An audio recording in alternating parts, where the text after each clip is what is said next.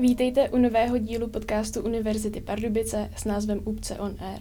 Naší dnešní hostkou je Viktorie Tržilová, studentka Fakulty zdravotnických studií a raketová modelářka. Vicky, vítej u nás podcastu. Ahoj, děkuji za pozvání. Já jsem si pro tebe na začátek připravila pár rozehřívacích otázek. Tak jenom rychle odpovídej a vůbec nad tím nepřemýšlej. Mm-hmm. Učení ráno nebo učení večer? Ráno. Kniha nebo film? Kniha. Učení s hudbou nebo učení potichu? Potichu. Plánovat dopředu nebo být spontánní? Spontánní. Letadlo nebo vlak? Letadlo. Star Wars nebo Star Trek? Ani jedno. letět na měsíc nebo letět na Mars? Měsíc. A stavění modelu nebo létání s modelem? Stavění. Já bych právě začala tvým velkým koníčkem, kterým je raketové modelářství.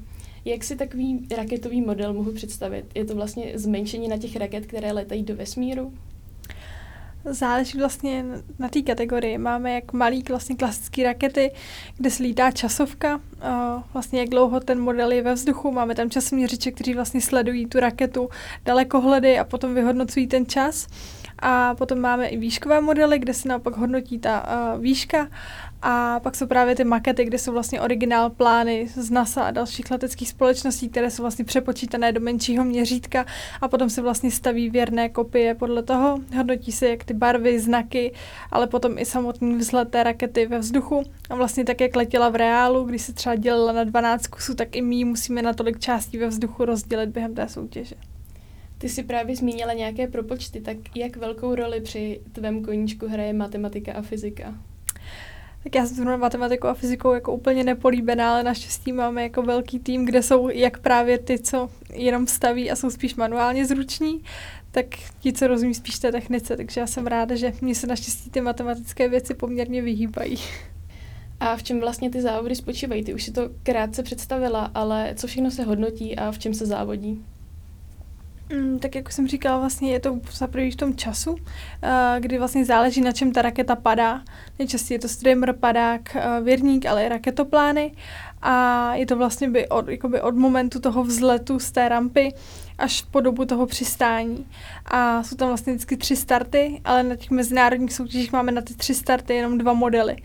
Takže je to vlastně v pravém slova smyslu sport, protože my tu raketu jako odpálíme a pak se vlastně běží polem a musí se zase najít, aby se mohlo do všech těch tří kol uh, jít. Takže občas nám jako tvrdí, že si jenom někde jako sedíme v dílně a něco lepíme, ale to tak úplně není, no. Takže jste často i v terénu? Rozhodně.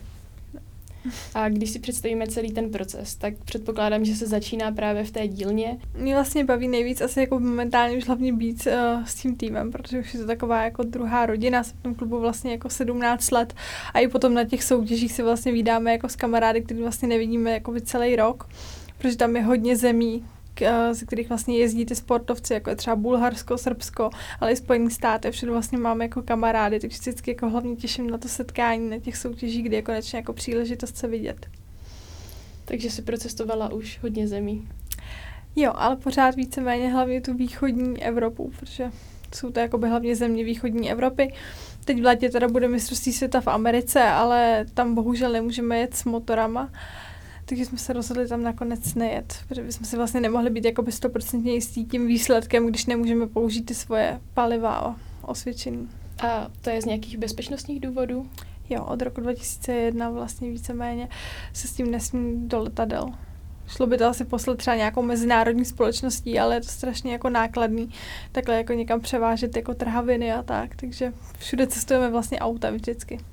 Já jsem se právě dočetla, že ty raketové modely jsou plněné střelným prachem, tak nese to sebou určitě omezení, jak si říkala, eh, co se týká toho cestování, ale jsou i nějaká další bezpečnostní omezení, která musíte dodržovat?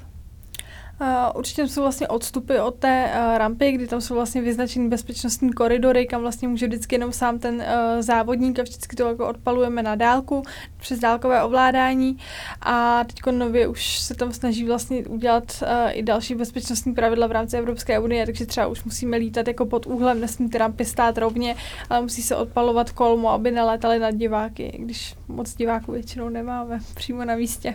A kde obvykle takové závody probíhají? Ty jsi říkala, že běháte po poli, tak je to třeba na nějakých starých letištích? Uh, buď to stará letiště nebo nějaké louky, kde aktuálně neroste kukuřice, což taky občas bývá bohužel takový náš uh, nepřítel. Špatně se tam hledá.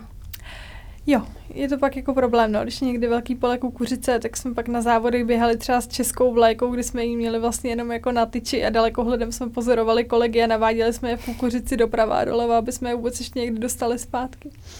A musí to být třeba nějak vzdálené od obytné zóny, nebo se stalo, že už jste lovili takovou raketu u někoho na zahradě? Docela pravidelně.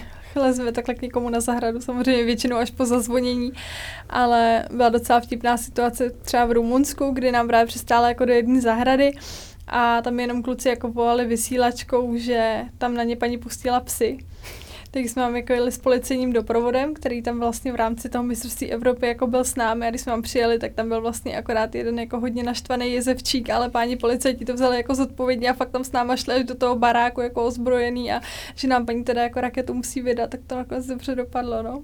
Takže jste raketu dostali zpátky a nezatkli vás. Nezatkli nás, raketu jsme měli. Šli jsme do třetího kola. a co se pak s takovým modelem stane po závodě, když spadne, když ho najdete v tom poli kukuřice nebo u někoho na zahradě, tak použijete třeba nějaké náhradní součástky nebo ten model mm, můžete použít Ten model je vlastně kompletně jako funkční dál, tím, že tam je vlastně jako by to návratový zařízení, třeba ten padák nebo streamer, tak pokud jako všechno dobře dopadne a otevře se tak, jak má, tak se s tím vlastně nic nestane. Ten model většinou váží kolem 4-5 gramů kompletně, takže to přistání bývá hladké. A dalo by se vyčíslit, jaká je cena takového raketového modelu závodního?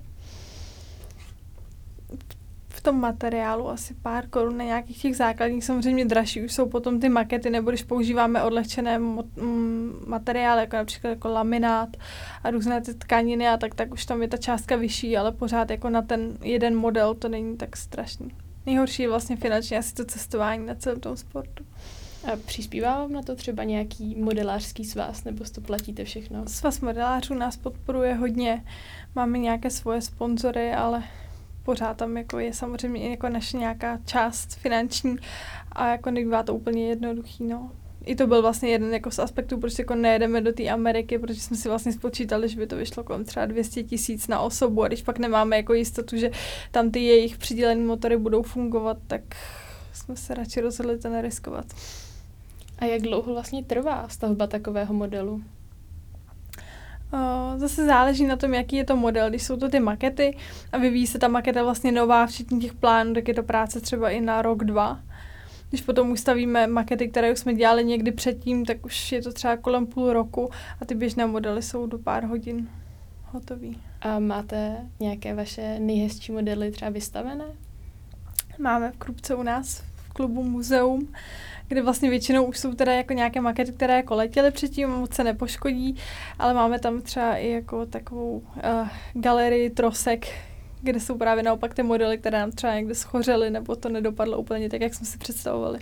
A stává se to často, že se stane nějaká takováhle komplikace?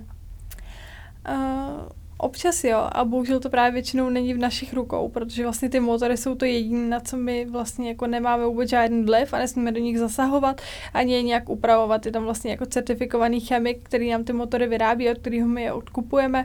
Takže když vlastně udělá chybu on, tak vlastně ta moje maketa je jako v jeho rukou. To mi se stalo třeba na mistrovství Evropy, kdy prostě ty motory bohužel nebyly úplně ideální a mě tam ta maketa bouchla a vlastně půl roku práce bylo v troskách. No. A jak často vyrážíte na závody po Evropě nebo i po Česku?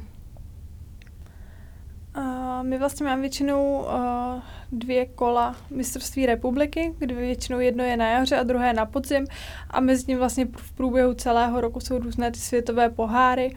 My většinou jezdíme do Polska, na Slovensko, Slovinsko na podzim je velice oblíbený a možná teď v létě pojedeme do Srbska, tak ještě uvidíme.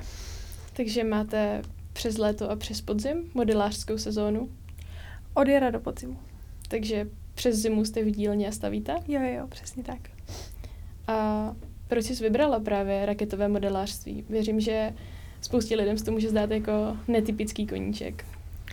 No, to byla jako náhoda. Vlastně já jsem šla do první třídy a moje úplně první paní učitelka je vlastně manželkou šéfa reprezentace a B. Dipavky, který mě vlastně všechno naučil.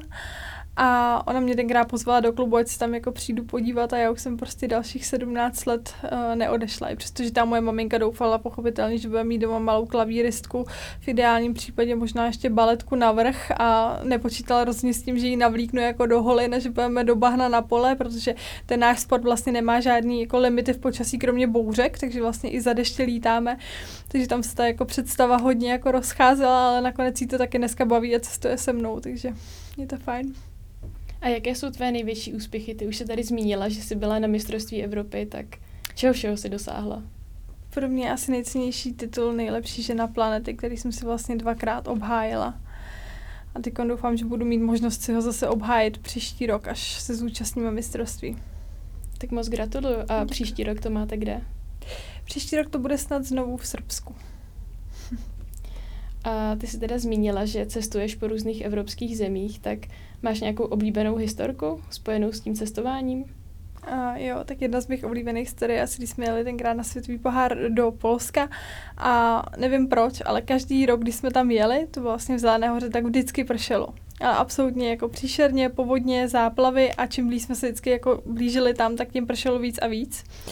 Teď jsme tenkrát spali ještě pod stanem, pochopitelně poslední volné místo bylo pod kopcem, protože to byl kemp do kopce, to taky jako nevím, kdo vymyslel, prostě Polsko. A bydleli jsme tam pod tím kopcem v louži a druhý den jsme potom byli na těch uh, už závodech na tom poli. A moje taková jako klasika je, že prostě vždycky závodím v holinkách, i když můj trenér se tomu vždycky jako směje a furt mi podsouvá nějaký super jako drahý boty, který bych si už po 17 letech konečně jako měla pořídit, ale já furt jako si jedu v těch svých holinkách, dneska už mám dokonce šťastný hvězdný holinky, to už jsou jako se mnou takový jako proslavený. No a pochopitelně jsem běžela po tom poli a absolutně jsem tam zapadla do toho bahna až po kolena a volala jsem tenkrát právě na mámu, ať mi jde jako pomoc. A mám říkala jako no, jako dělej si srandu z někoho jiného, prostě jako jestli máš jako problém, tak jako dír a roztáhni ruce a můžeš jim tady dělat jako strašáka. Tak asi po 20 minutách jako potom pochopila, že fakt jako jestli tam nedojde, tak už se o tam tak nevyhrabu, takže to je jedna z takových mých jako oblíbených vzpomínek závodních a ty studuješ zdravotní sestru a vlastně už i pracuješ v nemocnici, tak hodí se ti nějak zkušenosti z raketového modelářství právě v tvé práci? Teď na těch operačních sálech si myslím, že jako je důležitá nějaká jako zručnost manuální, speciálně když pak člověk chce pracovat třeba jako na ortopedii nebo traumatologii, kde vlastně je to taková podobná jako dílna, jako máme my v klubu spoustu matiček, šroubků, vrtačky a pily, takže jako jo, rozhodně se to hodí. A ty tedy studuješ obor perioperační péče se specializací v porodnictví. Tak proč jsi rozhodla právě pro tuhle specializaci? Hmm, tak já jsem původně šla vlastně uh, do té porodnice, ale potom jsem chtěla ještě uh, studovat uh, dál a vlastně v rámci té nabídky těch oborů navazujících právě na tu porodní asistenci moc není, takže tam byla nějaká pedagogika pro zdravotní školy a managementy a tak, což jako úplně nebyla asi ta moje cesta, kterou jsem si představovala. Chtěla jsem spíš něco víc praktického, takže proto jsem se rozhodla pro tu perioperační péči. A dneska už vlastně dělám hlavně tu perioperační péči, i když úplně nevylučuju návrat k tomu porodnictví nějakou cestou. A ty studuješ v kombinované formě, teďka budeš za chvilku končit a budeme ti moc držet palce u státnic, ale jak vlastně zvládáš studium, práci v nemocnici a stavění raketových modelů? No, tak já mám určitě jako štěstí v tom, že mám skvělou paní vrchní teďko momentálně i staniční sestřičku, který mě jako strašně podporují a vlastně chápou, jak to moje studium, tak všechny ty rakety a většinou právě jako výjdou vstříc a pracuji vlastně zatím jenom na půl úvazku právě z toho jako důvodu, abych měla často nějak všechno skloubit, takže zatím se to dá. A zbývá ti vůbec čas ještě na něco jiného? Případně jak trávíš volný čas? Jo, určitě rozhodně. Určitě zajdu někam na nějaký koncert, hraju na klavír, pletu, to je taková jako úplně klasika pro porodní asistentky, nevím proč, ale všechny porodní asistentky pletou, k tomu jsem se dostala tak nějak úplně jako taky přirozeně, ale i už od babičky a prababičky, která vlastně jako pletla a šila, takže to mě taky baví. A nelákalo tě třeba studium na dopravní fakultě nebo studium nějakého technického oboru? Vzhledem k tvému koníčku. Jak už jsem říkala, tak ta matematika, fyzika, to jde úplně mimo mě, takže si myslím, že bychom se tam úplně jako nebyli šťastní společně na té fakultě i s těma profesorama, protože moji matematiku by nechtěli. Takže tě láká spíš ta manuální práce, jo, rozhodně. práce v dílně. Hmm, jo, jo, obecně vlastně ty manuální činnosti. A co tě tady na tom tvém studiu nejvíc baví? Máš třeba nějaký oblíbený předmět? Nebo oblíbené zaměření? Uh, mě na tom studiu vlastně nejvíc asi bavila ta možnost těch praxí, kdy vlastně uh, ta fakulta byla jako hodně otevřená tomu, že jsme si vlastně my mohli určit tam, kde jsme ty praxe chtěli a taky jsme se dostali na spoustu pracovišť, například v Praze jsem se dostala k operacím mozku a srdce, což bylo absolutně skvělý. Takže za tady to jsem vděčná, za tuhle šanci, hlavně toho praktického rozvoje během toho studia. A máš třeba nějakou zajímavou historku právě z praxí? Mm.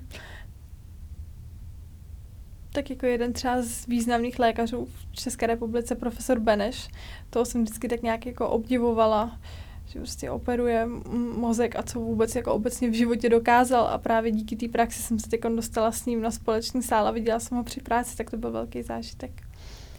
A jaké jsou tvé plány do budoucna, co se týče zdravotnictví a kariéry v něm? Mm, teprve se asi rozhoduju. Určitě chci nějakým způsobem uh, zůstat v té nemocnici a možná se právě nějak jako i mimo tu nemocnici vrátit k tomu porodnictví, možná spíš nějakou trošku individuálnější cestou určitě ženám. Ještě se rozhoduju. A jaké jsou tvé plány do budoucna, co se týče modelářství? Máš třeba nějaké konkrétní závody, na které se teď připravuješ? tak jako nejbližší závody, které budou, tak bude asi mistrovství republiky na podzim, pak bych ráda jela do toho Slovenska na světový pohár. Možná, když dobře snad dopadnou ty státnice, tak bychom mohli jet v létě do toho Srbska a potom samozřejmě příští rok to mistrovství Evropy v Srbsku, kterým bych si chtěla nahradit tu letošní Ameriku. Taky budeme moc držet palce. Děkuji. A když se vrátíme zpět k tvým modelům, tak do jaké výšky tvůj model vylétne? Uh, opět záleží na té kategorii, když vlastně lítáme tu klasickou, jak už jsem říkala, časovku, kdy tam je to kolem toho času, tak ten motor má vlastně dobu tahu kolem dvou a půl vteřiny a vyletí zhruba kolem 250 až 300 metrů. A když je tam potom ta výšková kategorie, tak tam je to i kolem 700-800. A tam vlastně je takové malé elektronické zařízení altimetr, které vlastně funguje na základě vztlaku vzduchu. Takže tam jsou ty výšky potom uh, vyšší, ale samozřejmě i ta výkonnost těch motorů je tam silnější. A musíte hodně kalkulovat třeba s počasím?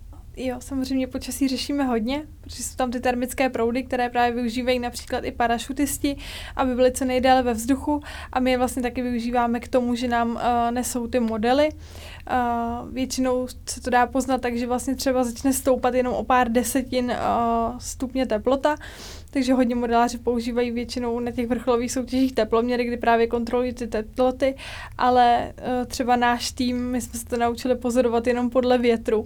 Takže jak můj trenér říká, jako nejlepší je to chytat na břicho, kde prostě člověk jako cítí najednou, že tam uh, jako kdyby šel proud z fénu a opravdu se ta teplota jako citelně změní a to je ten moment, kdy jako ideálně odletět.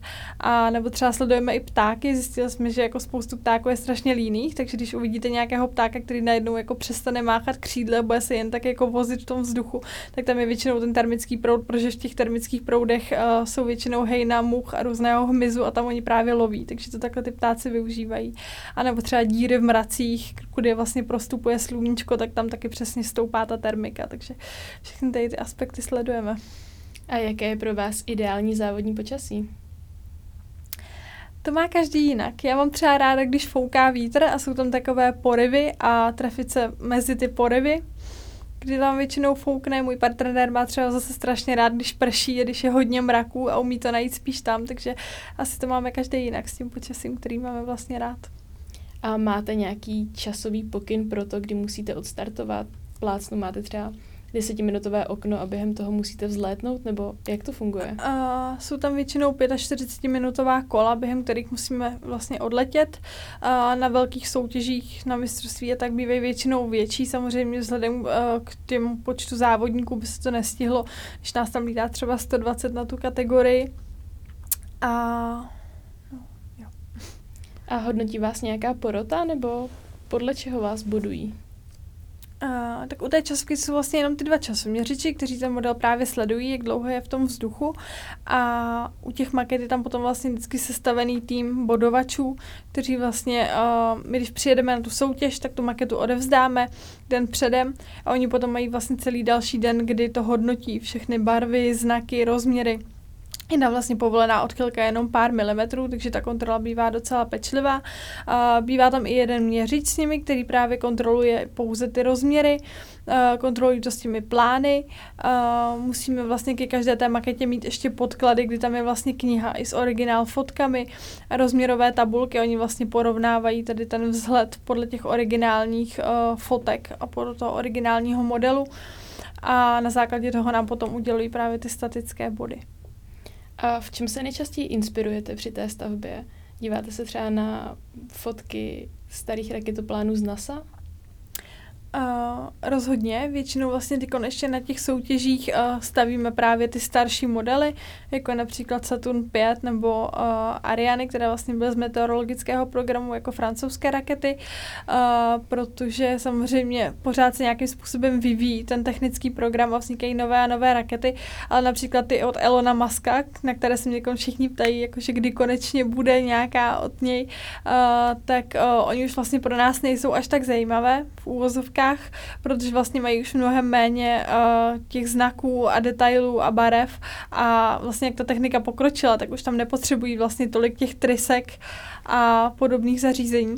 Takže vlastně pro nás už nejsou vizuálně tak zajímavé a dostali bychom za ně mnohem uh, méně bodů, než za ty rakety, které byly kdysi. Takže ideálně je stavět ty historické modely třeba z minulého století. V podstatě ano.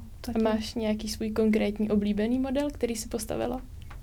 Za mě je to asi ta Ariana, ale to je vlastně i v rámci toho týmu, kdy vlastně uh, ty Ariany jsme začali stavět jakoby my v Krupce a pořád si tak nějak jedeme v té tradici, i když teď pochopitelně už plánujeme i nějaké nové makety, protože je potřeba se někam pohnout.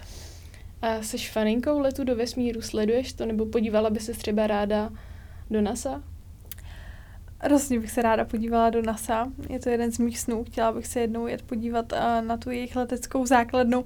Když já sama bych asi neletěla, na to bych asi neměla úplně odvahu, ale samozřejmě fandím teď třeba Jemimu, který je vlastně populární český tanečník a choreograf a teď plánuje svoji cestu na měsíc, kdy ho vybrali jako do programu. Takže určitě sleduju jeho cestu a bude to super, no, že se mu to povedlo. Kdybys měla tu možnost, tak letěla bys do vesmíru? To je asi otázka. Určitě by to stálo za to to vidět a musí to být krásný zážitek, ale asi bych měla strach, musela bych si to hodně rozmyslet.